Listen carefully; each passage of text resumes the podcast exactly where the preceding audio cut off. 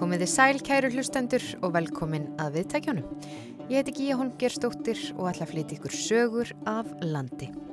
Þetta er sjöndi þátturinn af nýju í sömarþáttaröðin okkar þar sem við tínum saman efni frá leðnum vetri fyrir ykkur til að njóta í sömar. Og við byrjum á að rifja upp einslag frá því í haust þar sem við heimsóttum fallegt tre í kjarnaskógi.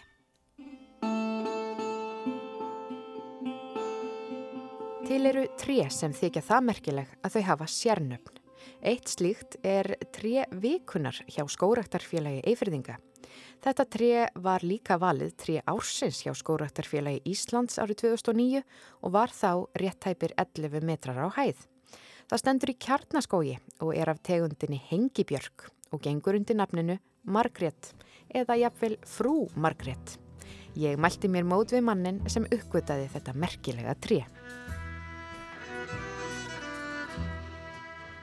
Já, ég heiti Helgi Þórsson og ég á hérna heima eh, fram í Kristnesi og er bóndið þar en eh, ég vann sem sagt hérna mörg ár hérna í Kjarnaskógi og eh, var nú bara unglingur þegar ég byrjaði en eh, var þá samt búin að vera með svona skóræktar og trjáræktar svona bakteríu alltaf lengi sko.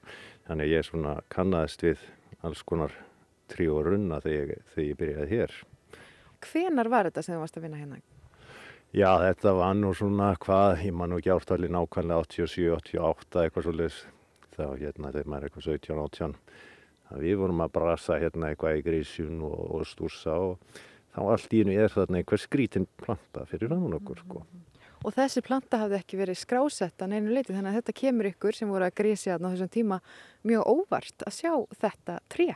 Já, þetta, þetta tré koma bara algjörlega, koma okkur algjörlega í opna skjöldu við hérna fórum nú strax að skoða, þetta var svo dulafullt þetta byrkja, við fórum að skoða þarna blöð og, og greinar og, og þetta var svo grunnsanlega hangandi að þetta, þetta reyndi síðan bara augljóslega verið engi björk en, en þá voru engar, engar svona heimildi til um gróðursetningu og svo enginn við segið einnig nýtt um þetta trí að þetta hefði nokkuð, nokkuð tíman farið þarna niður.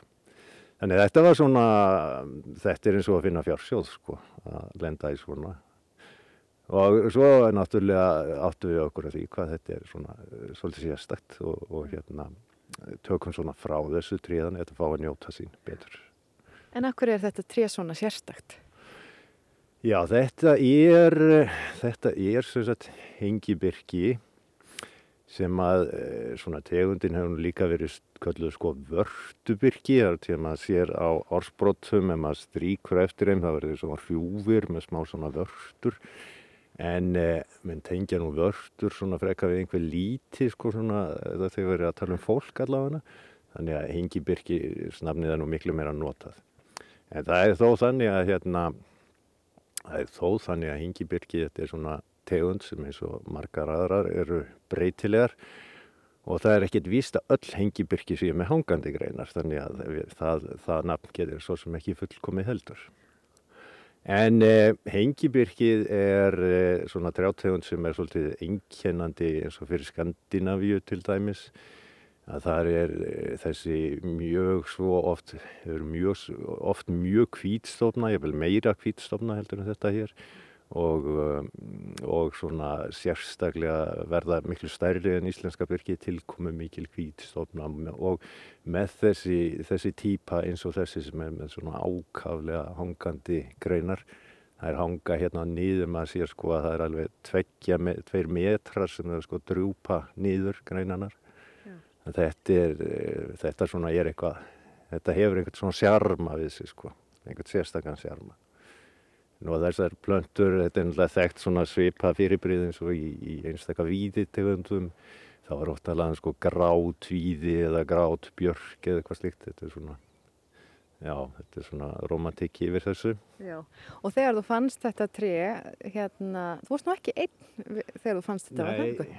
Nei, nei, við vorum, við vorum nú hérna óaðskiljanlegt eh, par hérna í skóginum, ég og hérna Aðarsteit Svanur Sigfússon sem var nú verkstjóri hérna lengi og við hérna fórum hér um allar koppagrundir með keðjasög og reyndum eitthvað að lappa upp á skóin, komum honum í betra form og hérna það var, það var, það var mjög gaman að því sko. Og þið, já, skýrðuð þessa hengibjörg ákveðnu nafni. Segðu mér frá því. Já, það, það hérna, kannski, það var, gerði sem sagt þegar að, og því að, auðvitað þegar maður á svona fallið tré, þá langar manni að búa til fleiri og með byrkið að, eh, ef maður svona eh, fjölgar í með frægi, þá, þá fær maður nú upp svona bara alls konar bland í pokað, en maður myndi ekkit endilega fá tré sem væru lík þessu eins og þetta, þannig að þá er freistandi að sko klón fjölgaði og það er þá einfaldast að gera með ágræðslu. Og þegar að koma því að hérna, ágræða þetta tríða þá þurfti það þetta heit eitthvað svo við vissum hvað þetta væri og, og þá var það nafnið Margrét sem, að, sem ég valdi á þetta tríða og uh, ástæður þessi eru, eru sko bara, það eru eiginlega alveg fjölmarkar. það er, sko? Já, það er, það er sko á þessum tíma þá, þá var ég með keðjusög og þannig eins með keðjusægir og tríða, það er gott að þetta heiti eitthvað þannig að þetta verður svona þetta verður svona meira svona personulegri personulegra allt saman og ég átti keðusög sem að hétt sem sagt Margret og ég, hún hétt það ábyggilega því að mér fannst svona eins og hún fór svona grenjandi á stað sko þannig að það, það tengi ég það við Gret sko Margret en, en sko þannig að Björkin var síðan svolítið skýrð eftir hérna keðusöginni En svo var líka einmitt tenging aftur sko í, í grét nafninu sko, þá fannst mér tenging sko yfir sko eins og grát björk eða eitthvað svo leiðis. Þannig að, Margrét var það sem hún vekk sko. Já. Já. Þetta er nákvæmlega tignarlegt nafn fyrir tignarlegt trí. Já, þetta, þetta er það sko. Það er, það er, hérna, getur verið skemmtilegt að fara út í skó og hérna fara að hitta Margréti.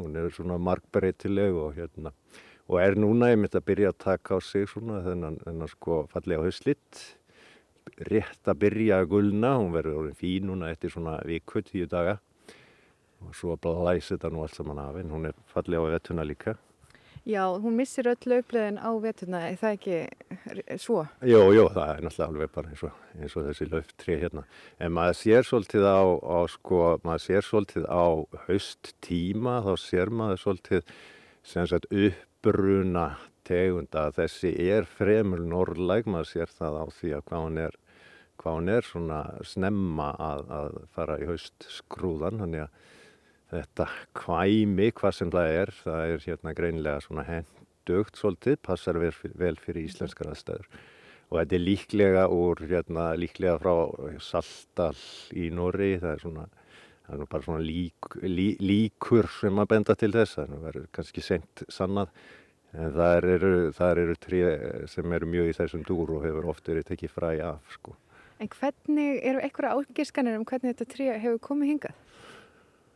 Eiginlega ekki. Það var, var sko á þessum tímum það var svona sjaldgæfara en í dag að menn væri að fara að sitja eitt og eitt svona eitthvað að dúll og dekurtri út í skóð. Þá var meira menn verið að gróða að setja einhverja hundruður og þúsundir af rúsalerki eða bæjastaðabyrki eða sitkabastarði frá Alaska. Þannig að þetta er svona bara einhver, einhver skemmtileg tilviljun eða, eða einhver hérna, framúrstefnu skórættamæður sem hefur hérna, sem hefur komið og lumað einu trí hérna eða, eða þá að þetta er bara eina tríða af einhverju gróðusetningu sem hefur lifað þessu ég hættunum við fáum ekki svara því alveg endanlega En uh, þegar að þú fannst þetta tre og þið, þið aðarsteinn, það var fyrir einhverjum 30 árum já, síðan. Um, já, um það byl, já.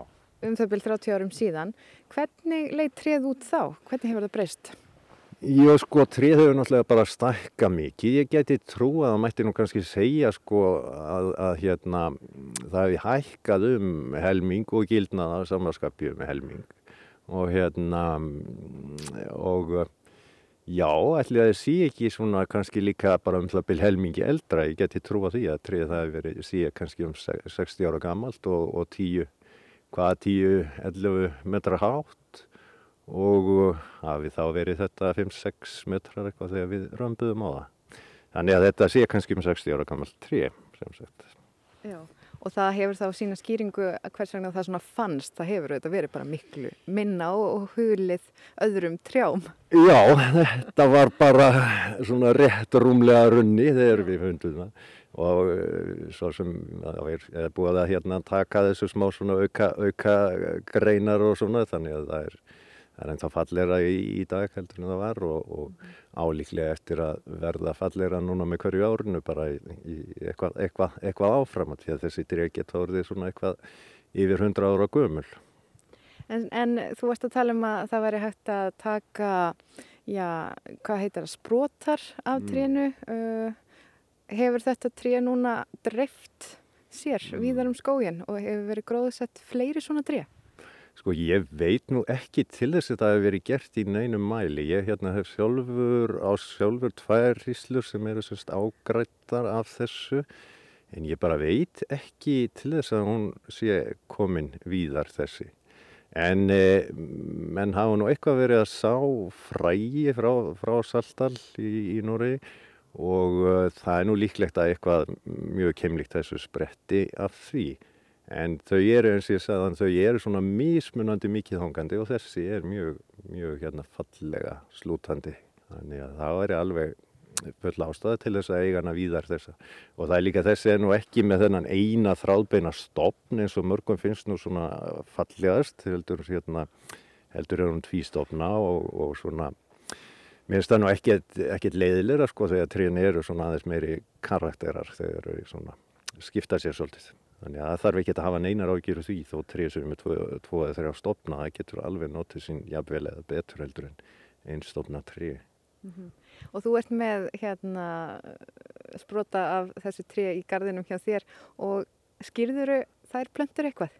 Nei, sko það er eiginlega eftir sko reglugerðirkjunar, þá verður það nú eiginlega bara heita sko sama, sama nafni og mamman, þannig að, þannig að þá er hægt að ræðum þetta, já, nei, Margret, já, mér er ömulega, já, mín Margret, hún er þetta ásamleg sko, en það verður þá ekki nefn að menn færi að bæta þá kannski við setna nafni eða eitthvað sko, ég veit ekki, Margret Lára eða eitthvað, nei, nei, það verður ekki í stíl við svona grassafræði reglur sko. þetta er eitthvað sem alltaf er, alltaf er gert í, í hérna, í garðirkjunni þegar eins og þetta er nú kannski besttækt í rósum þar sem er þar sem að sama einstaklingnum er fjölgað upp endal, endalöst og það eru þá ofta á tíðum með einhverju sko falleg ennskeiti gerðnan í rósunum sko. En þannig að ef maður heyrir af hengibyrki sem heitir Margret þá veit maður uppruna þess? Já þá veit maður uppruna þess, hérna er, hérna er hún sjálf, mamman uh -huh. og hérna það getur vel verið að fleiri eigi eftir að skoða þetta með fjölgaðs trefn því að það hefur vækið ekki miklu aðtili. Og það er auðvelt að koma að þessu hérna í kjarnaskóið, þetta er mjög, já, svona í alfara leið, skulum við segja. Já, þetta er, þetta er það. Þetta er ný, rétt hjá þessum glænýja velliðir hérna og, og hérna stutt í blagkvellina hérna og svona og þetta er svona, þeir eru búin að opna svo skemmtilega á þessu núna, þetta sést vel þegar komið hérna þennan nýja völl hérna í kjarnaskói. En hvernig staður er kjarnaskóur á þínum mati? Sko ég er náttúrulega mm, miklar taugar til þessa svæðis bara frá því hérna í den að maður kannast nú við ansi, ansi marga hríslur og það eru verið tölvört mikið minni vist þegar maður byrjaði hérna. Þannig, en eh, maður náttúrulega bara veit það í gegnum tíðina að, að eh, kjarnaskór var, var vinsall hérna fyrir 30 síðan og, og 40 en, en hérna svo sér maður bara að gestafjöldi bara ekst og ekst og ekst þannig að það er engin spurning að þetta, þetta útvista svæði er e, það virkar sem sagt og, og, og virkar bara meir og meir og betur og betur og, og sem að mér er stákallega gaman og ég er svo mikil trjá, trjá maður. Þannig að hérna er gaman að sjá hvernig trén svona fara að skapa eða eru, eru mikilvægur hluti í, í bara lífi margra hér á sæðinu og gesta sem koma lengra að líka. En þegar maður kemur hérna inn í eigafjörðin þá sér maður að það er mikið gömlum trjám þannig og, og þetta er mjög svona uh, bara á akkurýri og hérna í kring að skórakt hefur verið stundu hérna lengi.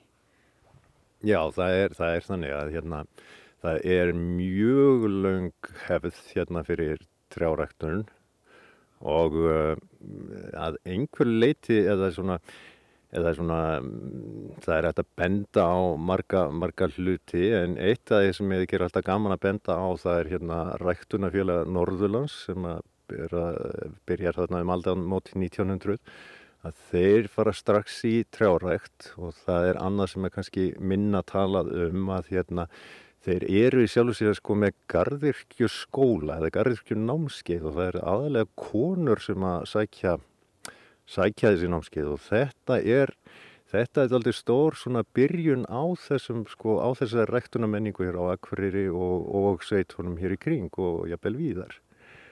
Og e, það má eiginlega segja sko að þessi, þessi trjárækt að vissu leiti eða skóræktin að vissu leiti sko byrji í görðunum og, og því að þá einhvern veginn þá er þessi svona ræktunamenning komin í gang og þá eru auðveldara síðan að halda áfram með skóræktina því að það hún sprettur ekki bara fram svona 1-4-3 sjálfur sér hún svona það er búið að undibúa jarvegin heima í görðunum þegar að svona mm.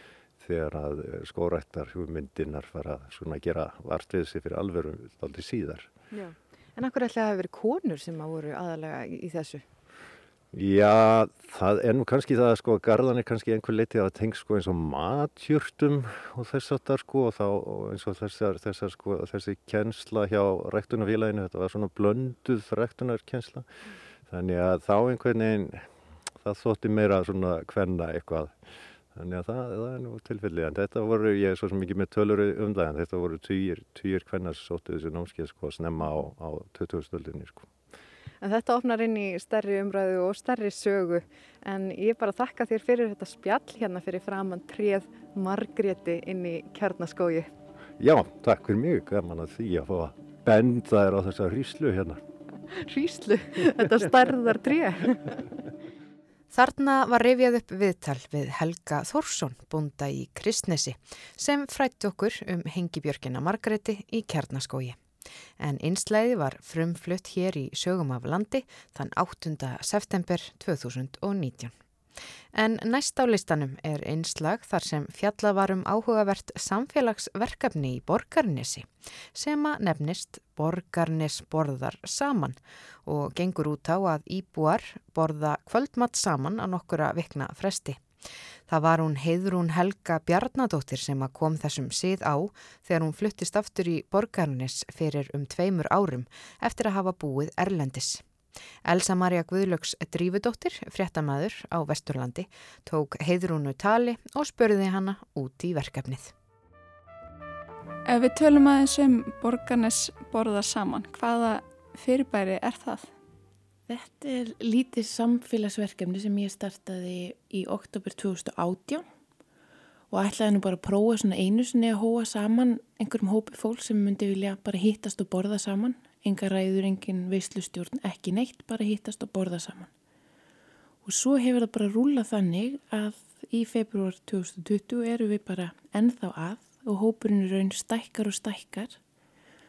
Þetta hófst þannig að ég hérna fekk lánað sapnaðar heimili kirkjunar fekk sjálfbúðilega frá Rauðkrósun til að hjálpa mér að græja matinn og, og kokka til að elda.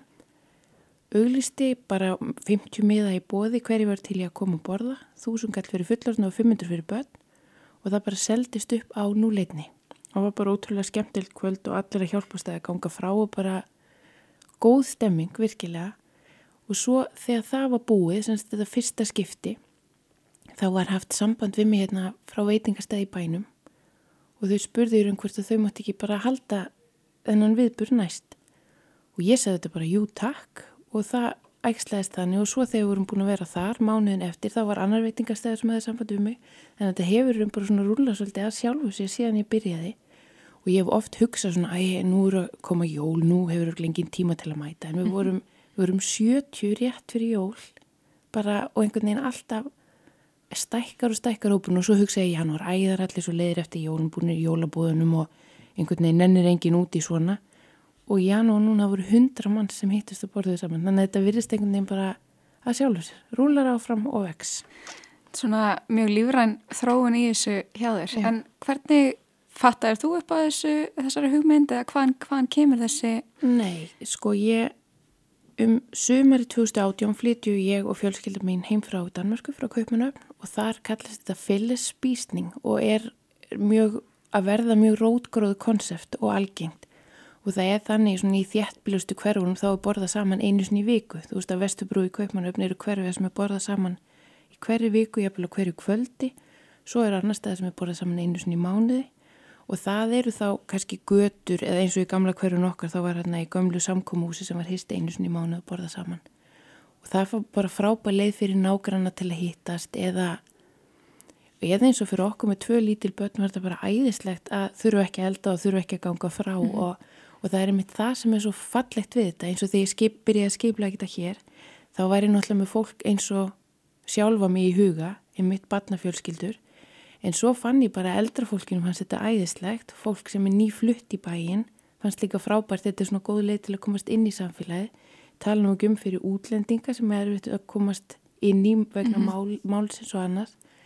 En þetta er einhvern veginn svo margþægt mm -hmm. og það er svo frábært að sjá fyrir mér, þú veist, gömlu ömmurnar að kjá í börn hjá kannski fólki sem það er að lítið, þannig að þetta er svona, já og svo fluttu við til Íslands og þá upplýða einhvern veginn aftur aftur að fólk hittist eins og svona út á landi mm. þá maður að hittast út af því að maður á börni í einhverju íþróttarhefingu eða maður á börni einhverjum bekk eða maður er í einhverju félagstarfi sjálfur en það er rosalega sjaldan sem fólk er að hittast svona þvers á pólitíska skoðanir aldur áhugamál og, og mér finnst það líka svo fallegt koncept við þetta að það er einhvern veginn bara allir saman augliti til auglitis og ég held að það sé eitthvað sem við þurfum á að halda í dag. Já. Það sem allir eru einhvern veginn á bakvið tölvuskjá og símaskjá og við einhvern veginn, við erum í miklum samskiptum en það er kannski ekkert oft sem við erum svona, sitjum saman augliti til auglitis mm -hmm. og þess vegna hefur líka alltaf lagt áherslu á þú veist að á ekki að vera skemmteatriði eða bingo eða ræður, þú veist þetta á ekki að snúast um neitt annað en að koma og mætist auðvitað til auðvitis. Það er það sem þetta snýst um. En ef við förum kannski aðeins í hvernig þetta fer fram þá hér hjá þér í mm, Borganesi, mm. hverjir eru það sem að koma og borða og, og hvernig er stemmingin? Er fólk að tala saman á milli borða og, og að kynnast? Það er æðislegt. Ég hef nefnilega heyrt, þú veist, ég hef heyrt fólk segja já, heitust við ekki síðast hér og ég hef, fólk hefur sagt mér að það hefa vinóttur sem staði upp úr þessu samhengi, þú veist, fólk hittist aftur og aftur fólk sem annars myndi ekki mætast þó þetta sé svona lítill bær. Og það er líka oft þannig að fólk og það var svolítið þannig sem ég auðvist þetta líka til að byrja með það er svo margi sem við þekkjum og maður er alltaf að hugsa æ nú verði að fara að byrja þessum í kaffi eða æ nú verði að fara að hittast. Og ég heyrði þetta svo oft í kringum mig í röðin í bónus eða þú veist hvað sem maður er. Fólk er að segja ó við verðum nú endilega að fara að hittast. Og þá hugsaði með mér, mér langar bara að skapa einhvern vettvang þess að hún getur kift með þér nákvæmleginum eða þessum vinnufélaga eða vinnafólki sem þið finnst þú einhvern veginn aldrei á tíma til að bjóða heim en þarna getur bara, þarna hittist fólk bara, mm -hmm. einfallega mm -hmm. og ég hvet fólk þegar auðvitað til að grípa einhvern með sér. Þú veist, einhvern vinnufélaga eða einhvern sem er nýfluttur í götuna einhvern sem kannski langar að nálgast. En við erum öll bara svo busy og það finnst einhvern veginn alltaf öllum að það hafi engan tíma til að gera þetta hitt og þetta er bara svo einfalt sett og ég tala nú ekki um þegar þetta er bara á veitingastöðum bæjarins. Og mér langar líka að þú veist nota verið og þakka fyrir það því að þetta er einhvern veginn bara ég bruna á einhvern veitingastað spyr væri þið til ég að halda næst? Og það verður engi sagt nei. Það er allir bara bjá, ekkert mál. Og mér er sér síðast voru við í grunnskólan í nýja matsalunum hérna. Mm -hmm. og kokkurinn þar þú veist mætir í vinnuna á mótni og er síðan langt fram á kvöld til þess að elda kvöldmatónu hundra manns bara ekkert mál. En það má kannski þá er samfélaginu farið að þykja væntum en að segð? Ég held það. Já. Ég held það bara. Því ég fann sko í vor þá var svona farið að draga mér og ég var alltaf að hugsa æg, þú veist, þetta er kannski bara komið fínt. En þá var fólk endalist að stoppa mig út í búð, þú veist, hvernig ætlar að hafa matin aftur og hvernig ætlar að borða saman og... og, og mér finnst það líka eins og ég sagði á mér finnst sko það finnst einhvern veginn öllum hópum eins og þetta sé alveg grá upplægt fyrir eins og eldra fólki segi hvernig ætlar að aftur að hafa matin fyrir gamla fólkið og fólk á mínum aldri, þú veist, vill koma með börnin sín og því þetta er rosa þægilegt eftir leikskóla bara rétt struka fram og út og bara hægt að njóta þess að vera saman í staðin fyrir allt þetta elda að vasku upp, þú veist, það bara fer mikill tími í það sem er dýrmættur, við höfum svo fáa klukkutíma með börnunum okkar á dag að það bara, að vera aðeinslegt ef þetta getur verið á hverju kvöldi Einmitt. En hversu oft er þetta og hvena verður þetta næst? Það er nefnilega það sem ég aldrei veit, þetta er bara svona rúlar sjálf, þetta er einu snið mánuði mm -hmm. og ég reyni, ég reyni satt að segja að bara, þú veist, ég held þetta og svo legg ég þetta bara frá mér. Þegar eins og ég segi, við erum bara öll írúslega mörg og þetta er ekkert, ég er ekki að nota marga klukkutíma í þetta á mánuði. Ég er einhvern veginn bara að fæ hugmyndum hver ég myndi vilja hafa þetta næst, hef sambundu veitikastöðan ég hafa hingað til sagt bara já og svo fyrir ég auglýsa. Þannig að það er aldrei víst nema með svona tíu daga fyrirvara hver þetta verður næst og það er bara Facebook síða, borgarnir sporða saman og þar set ég einu upplýsingar um svona praktískar upplýsingar. Emmett. En þessi gjörningur að borða saman, hann er svolítið öðri segja en að fara í bíó eða fara út í gangutúr og eitthvað neinn. Hvernig uh, er fólk alveg að opna sig á þessum vettvangi? Já. Eða, já. Og ég, ég hef alltaf verið með, þú veist, komið með svolítið leikfeng með mér og svolítið, mér finnst líka það sem mér brá svolítið við að flytja aftur til Íslands var að mér finnst, og þetta er kannski óvinnsalskoðunum, mér finnst Íslands samfélag oft rosalega deilt upp í svo er fullotnum fólki að gera þetta og börnin er að gera eitthvað annað. Annarkvort er þetta á fórsendum barnana eða á fórsendum fullotnum fólksins. Og mér finnst þarna, þú veist, að hafa börnin með sér og þú veist, það er eitthvað smá dót með og það er eitthvað leikot og svo siti allt í einu alls konar fólk og er að leika við börnin sín saman. Þannig að þetta er svona, já, og mér finnst líka bara, mér langar líka að koma á þess að Facebook og samfélagsmiðla menningu þar sem okkar kynslu er ofta að skrifa eitthvað að kommentakerfi eitthvað sem myndi aldrei segja og tónin er oft svo harður og oft er fólk kannski bara híkandi við að segja skoðinu sína því að þá fær maður bara einhverju holskeplu yfir sig, maður veit það náttúrulega aldrei. En það sem er svo fallegt við þetta er að þú veist, setja kannski 20-30 manns á langborði. Þú veist, það er engin að tala um neitt. Það er engin að æsa sig, þú veist, ef þú ert bara getur rétt með gulubaunar eða getur rétt með saldi, þú veist, þá verður þetta svo það myndast eitthvað svo innileg stemning alltaf. Þannig að já, ég held, ég held að sé meira í þessu og fleiri vinklar í þessu heldur en maður einhvern veginn gerir sig grein fyrir já. og það er greinilegt að það er fólk hefur bara þörf fyrir að hittast það er bara þannig já. maður leði svolítið mikla nánd út úr þessu alveg 100% mm -hmm. og það er alveg bara þú veist, þetta er ekkit langu tími í senn þú veist, þetta er kannski klukkutími en þú veist, það, þú veist, það er mikið um svona faðmlög þegar fólk er að koma og fara og maður finnur bara einhvern veginn svona og sérstaklega held ég eldra fólkinu finnst notalegt svona að vera innan um börn og innan um svolítið svona líf og fjör Já. En hefur þetta núna er þú að halda þetta hérna í borgarnes mm. og hefur gert það í svolítið tíma mm. hefur þetta eitthvað farið víðar hér á landi? eða fólk sýndi þessu áhuga að, að gera þetta annar staðar? Sko, fólk hefur sýndið svo mikið áhuga og ég held, ég hef alveg heyrt um í öðrum bæjarflugum ef verið að hittast og borða saman, kannski einu svona fyrirjól og einu svona eftirjól, þá kannski undir öðrum formerkjum. En ég væri alveg til í og hvet hérna ofinbarlega til þess að fólk bara láti vaða. Því að líka oft maður mikla svona svolítið fyrir sér þú veist það væri alveg hægt að stopna einhverja nefnd og það er fullt af fólki og ég er þakklátt fyrir það, er fullt af fólki búið að bjóðast til að hjálpa mér að skipulegja og, og hjálpa mér einhvern veginn með þetta en stundum þarf maður bara svolítið að æða stað og sjá mm. hvað gerist og ekki vera að flækja hlutina því við höfum öll takmarkaðan tíma og þetta þarf ekkert að taka mikinn tíma eða, eða orku sko. Þannig ég hvet fólk til þeir sem eru að hlusta eða langar að gera eitthvað svona bara, bara láta vaða. Því ég var alveg til að sjá eftir einhver ár bara Ísland borða saman bara sjá þetta þróast og, og breyða svolítið úr sér sko mm -hmm. Það er nefnilega það kannski lítur út eins og svolítið átaka grættistaka að láta eitthvað svona gerast. Þér fannst það ekki? Nei því að ég hef fengið svo mikla hjálp. Og það er einn stærsta svona æfingin fyrir mig hefur verið að segja bara játak mm og játak og játak. Því að þú veist það bara fjölutinn og þjónustan í bæinu bara við gerum ákjöfis auðlýsingar nett og bara já við gefum ykkur afslátt á matnum og öll hótelin og rauðukrossin og bara fólk sem kemur bara getum við eitthvað hjálpað þannig að þá er eiginlega kunstin bara að segja já takk þegar maður þarf það sko. mm -hmm. En þá er það þú segist ekki vita hvernig þetta verður næst. Er þá bara engin plön? Þetta bara gerist lífrænt. Bara heldur áfram. Og það er bara þannig. Og einhvern veginn eins og ég sagði á en ég hef oft hugsað bara æ það er auðvitað ekkit, fólk er auðvitað ekkit gýrað í þetta núna, svo er bara, þetta bara stækkar og stækkar og stækkar. Mm -hmm. og ég einhvern veginn meðan þetta er svona einsmannsverkefni, þá verður þetta svona, einhvern veginn cirka í enda mánuðinins og meðsmöndi stöðum.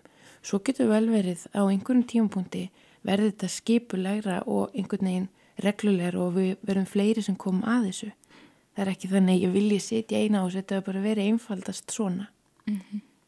En sér þið það þá fyrir þeir að fá fleiri með þeir í þetta og gera þetta aðeins skipulegra?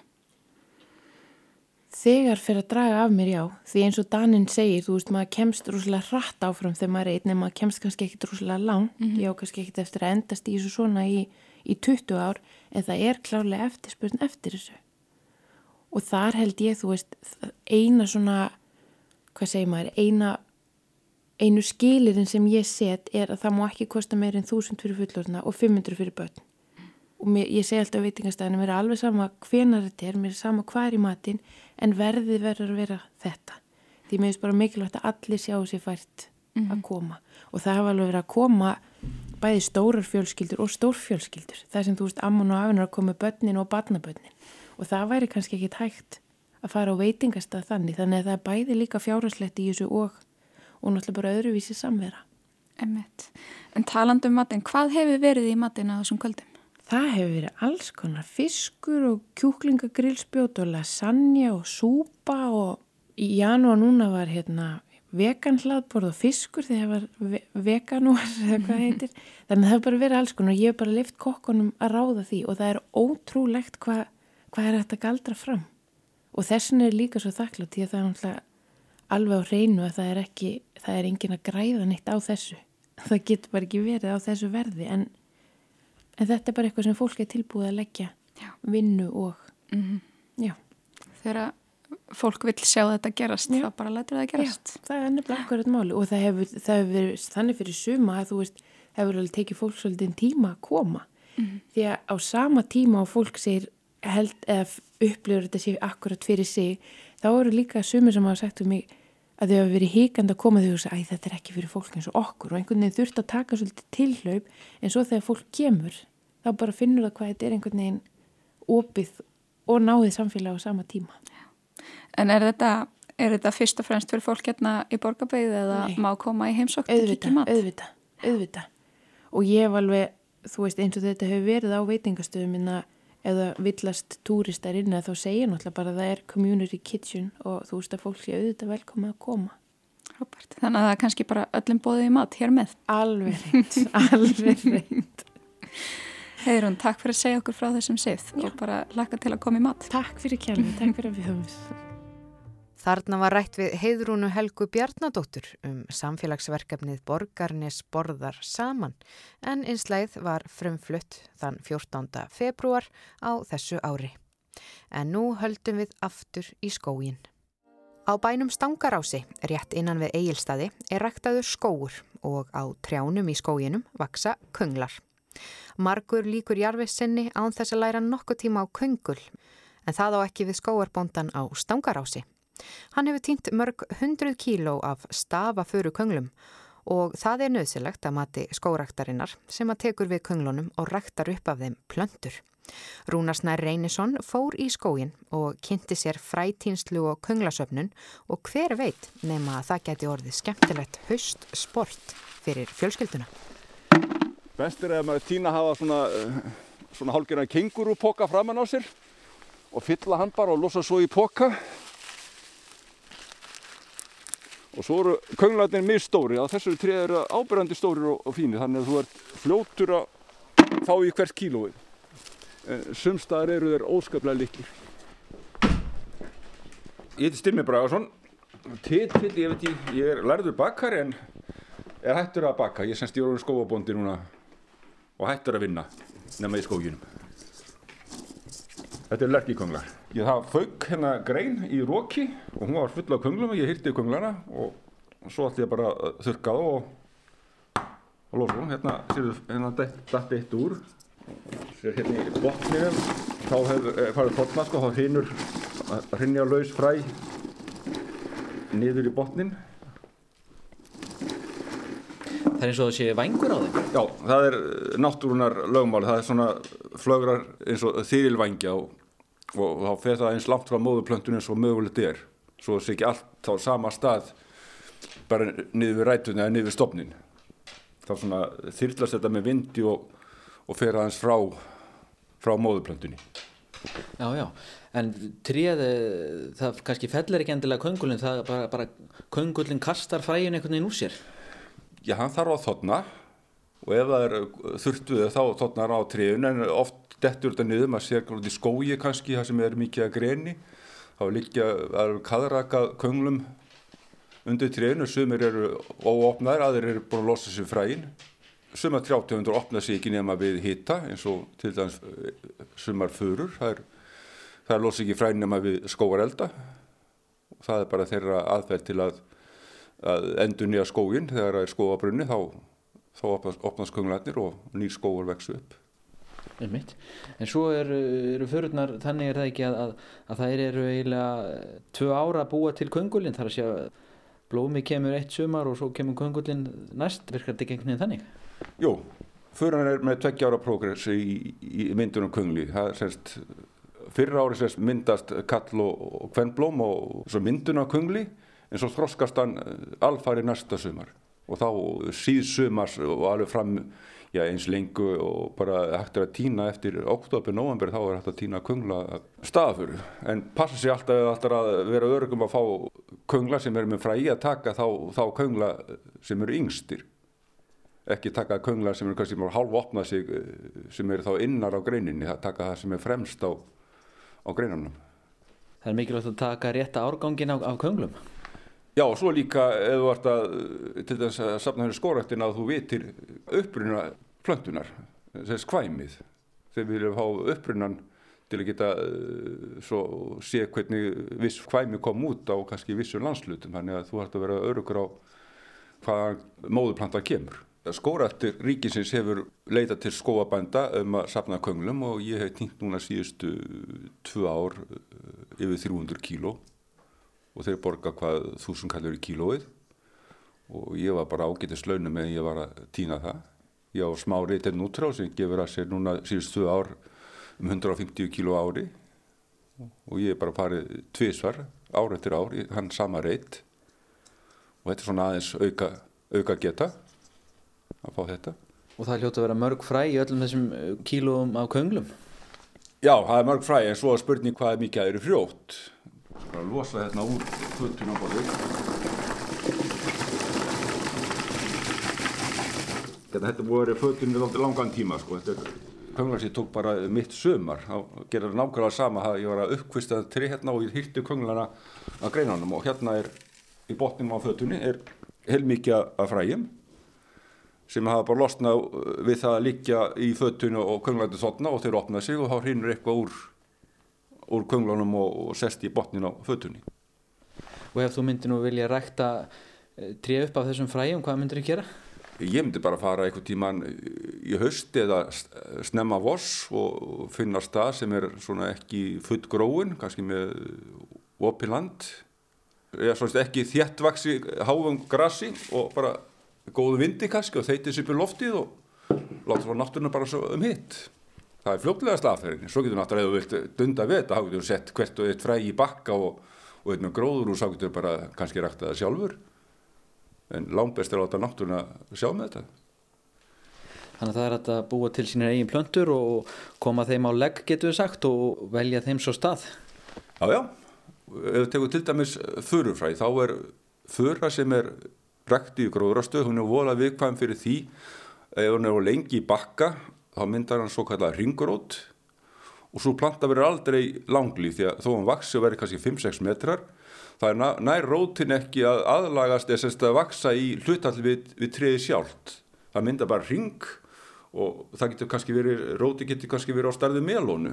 Þú getur, líka, getur bara rykt upp 30 metra trepar með höndunum að því að rótakerfi er svo lélægt Þannig að langt best eh, ef þetta er að framlega furu að láta náttúrulega sjá þau með bara. Setja frægið á hans stað sem þú að geti spýrað og þá myndar það eðlega rót sem stólparót og það er, verður sem sagt eh, fast í jörðin, það losnar ekki eins og ræktaðu plöntunni geta gert það eru lengi í bökkunum og kannski gleimist í 1-2 ár þá myndar þessi svo kallar hringrót ef þú getur framlegt fyrir og haft hana bara á því náttúrulega umhverju bara kannski bara í beði og hún myndar eðlilega rót þá getur við gert það og tekið hann svo upp og setja hann niður eftir x fjöldra ára sko, hann er kannski konu uppur þegar hættu að, að kapni grasi.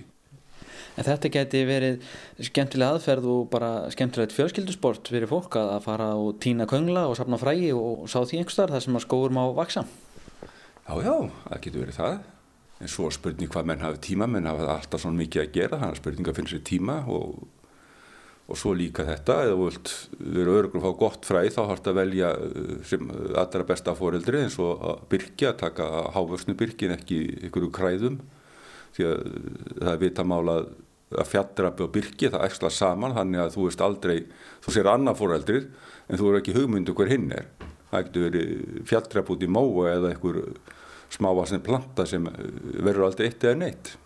En jújú um að gera en ef menn hafa til dæmis fyrir skó, hafa náttúrulega alltilega að prófa þetta. En það getur vandamál að opna könglana. Ég hef prófað bæði að þurka á gólfi við svona stofuhitta og ég hef prófað að setja henni opn í snarpeitin opn í smá tíma en stundum opnast ekki allir. Eða þá kannski að kíkja út í skó að tók hvað við finnum? Já, gerum það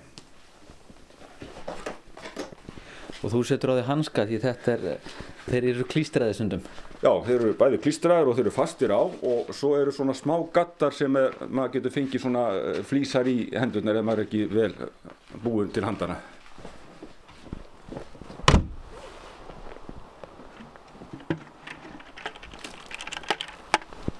Ef ég var að byrja að skóra þetta í dag, þá myndi ég byrja á ösp. Þú hefur komið skó á 10-15 árum.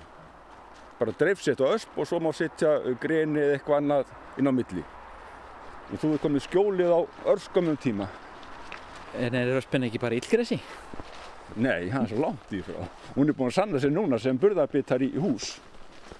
Þannig að nýjustum rannsóknu þá er hún besta þólið við sem efni límtri af íslenskum tegund. Skoðum sjá. Hérna inn. Hérna. Hérna er stafaföra og svo tekum maður svona og snýru upp á aðeins og þá losnar það. Svo hefur maður svona stað með sér til að ná sem hæst upp í tríð þetta er bara byrkirengla sem ég tók og klifti til. Við erum að sjá að það eru oft þrýr könglar á grein. Já, það er stundu alveg upp í fimm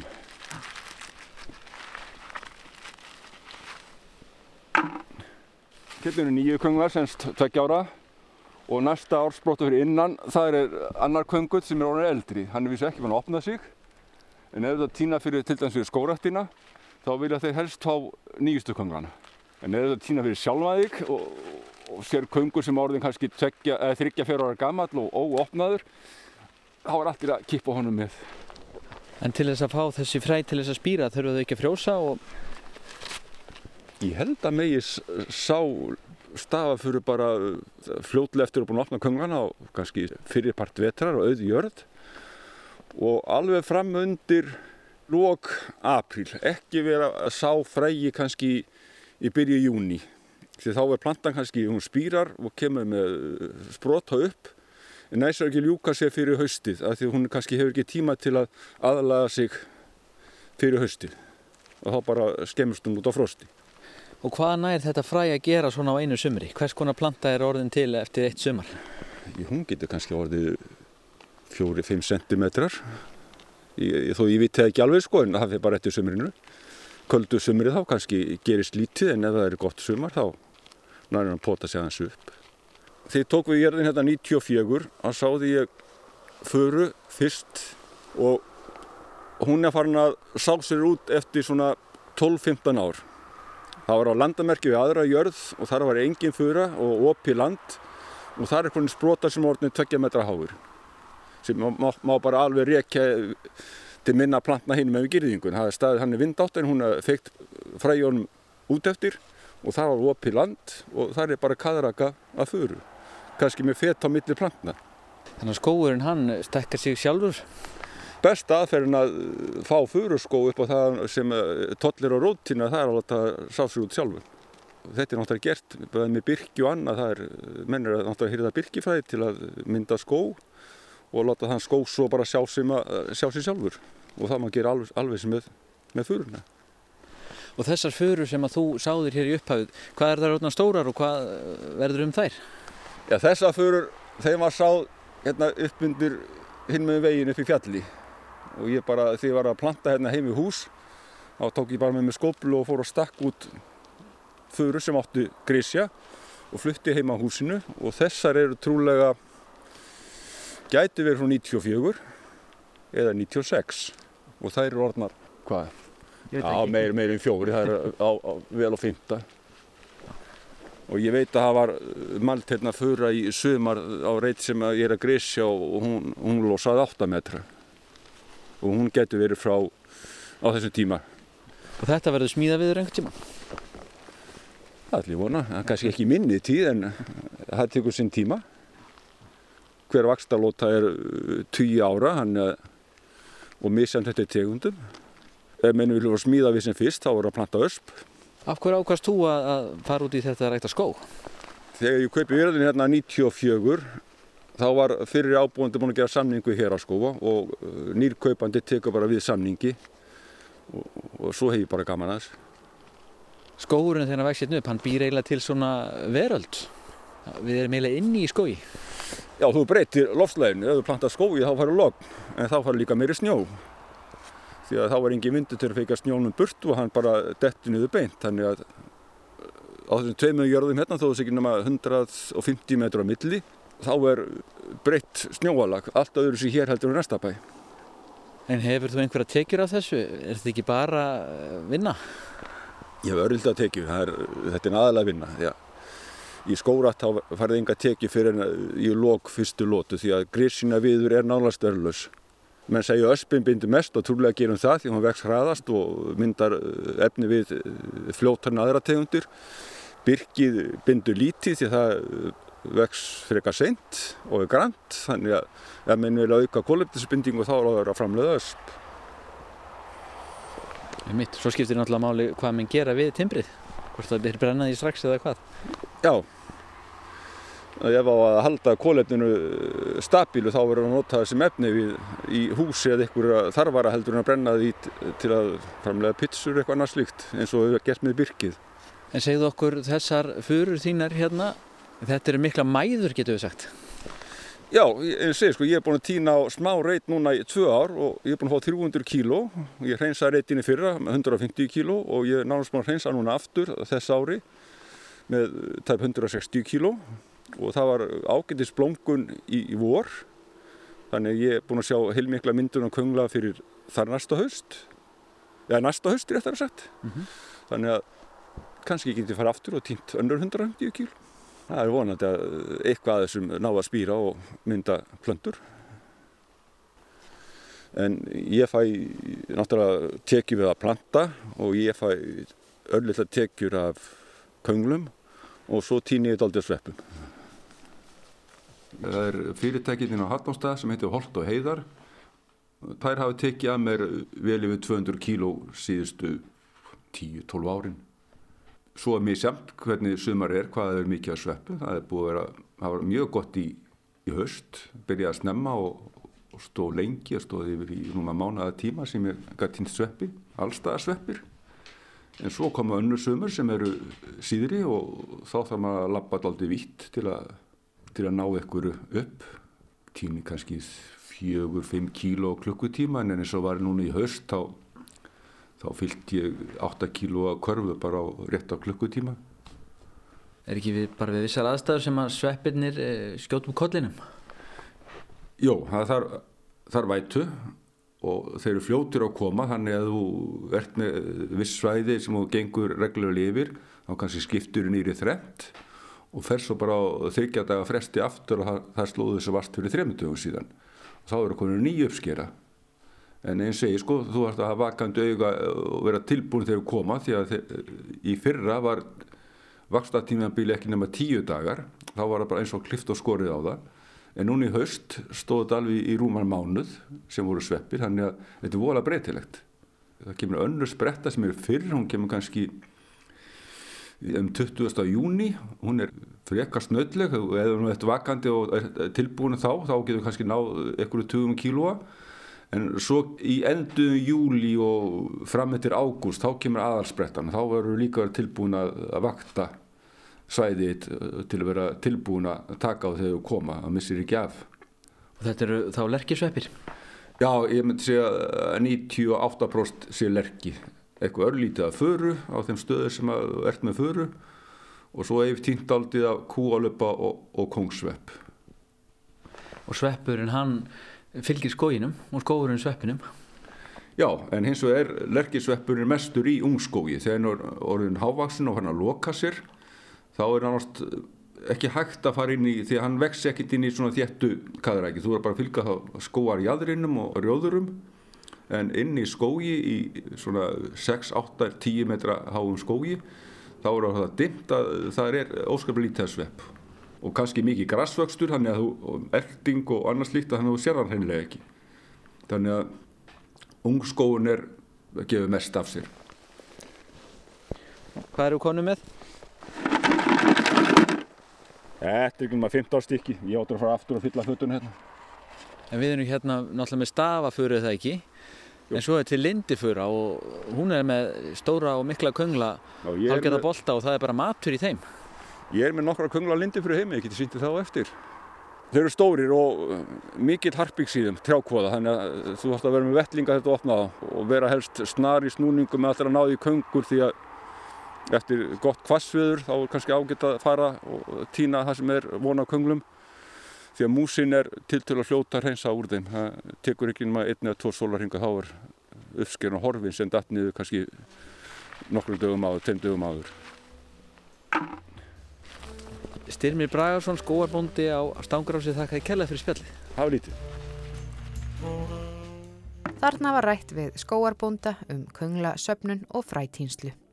Þetta einslag var áður á dagskrá þann 25. oktober 2019 og þar með er komið að lokum í sögum af landi í dag þar sem rivjað var upp efni frá liðnum vetri. Við þakkum þeim sem hlýtu, lifið heil.